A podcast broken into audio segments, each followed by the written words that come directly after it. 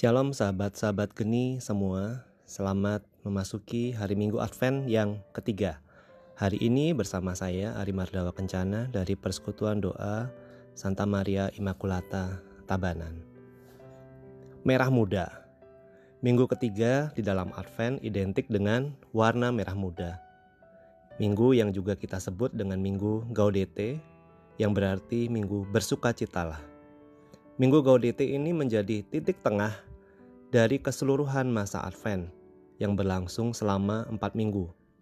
Pertobatan dan mati raga memang menjadi tema besar Advent kita. Hari ini sepertinya gereja memberikan sebuah titik istirahat dan mengajak kita untuk berefleksi dan juga bersuka cita. Biasanya warna merah muda yang dipakai dalam gereja ini didapat dari pencampuran warna ungu khas pertobatan yaitu khas Advent dengan warna putih Natal yang akan kita sambut.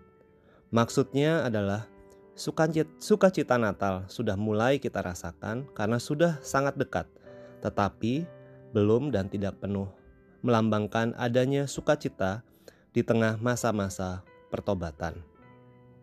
Warna merah muda melambangkan bahwa penderitaan zaman ini tidak sebanding dengan kemuliaan yang akan kita dapatkan kemudian hari. Pada hari Natal, lilin-lilin putih akan dinyalakan sebagai lambang bahwa masa persiapan kita sudah selesai dan kita memasuki sukacita yang besar dan istimewa karena Mesias, terang itu, sudah datang ke dunia dan tinggal di tengah-tengah kita. Demikianlah yang kita dengarkan pada bacaan hari ini tentang Yohanes Pembaptis yang menjadi saksi akan terang itu meluruskan jalan bagi Tuhan Yesus sendiri. Dia menyerukan pertobatan dengan sukacita karena Mesias sudah dekat.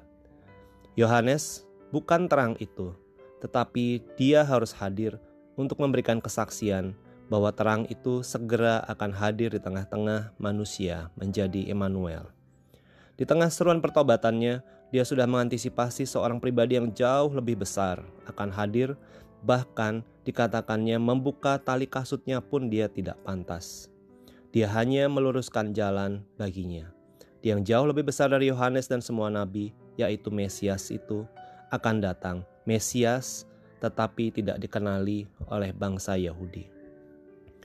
Meluruskan jalan bagi Tuhan harus kita mulai dari diri sendiri. Hari ini kita diminta gereja untuk bersuka cita melihat ke depan, Mesias yang sudah akan hadir di depan mata kita di dalam perayaan Natal. Natal juga sebuah kesaksian.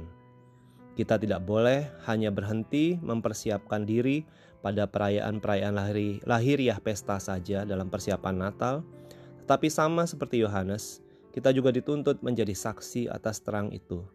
Kita juga diberi tugas menjadi saksi, terutama kesaksian pertobatan dan cinta Tuhan. Mungkin kesaksian kita akan sedikit berbeda dengan Yohanes. Dia me mewartakan Mesias yang tidak dikenali oleh orang-orang Yahudi. Tetapi kesaksian kita akan Mesias yang tetap sangat penting di dunia modern ini.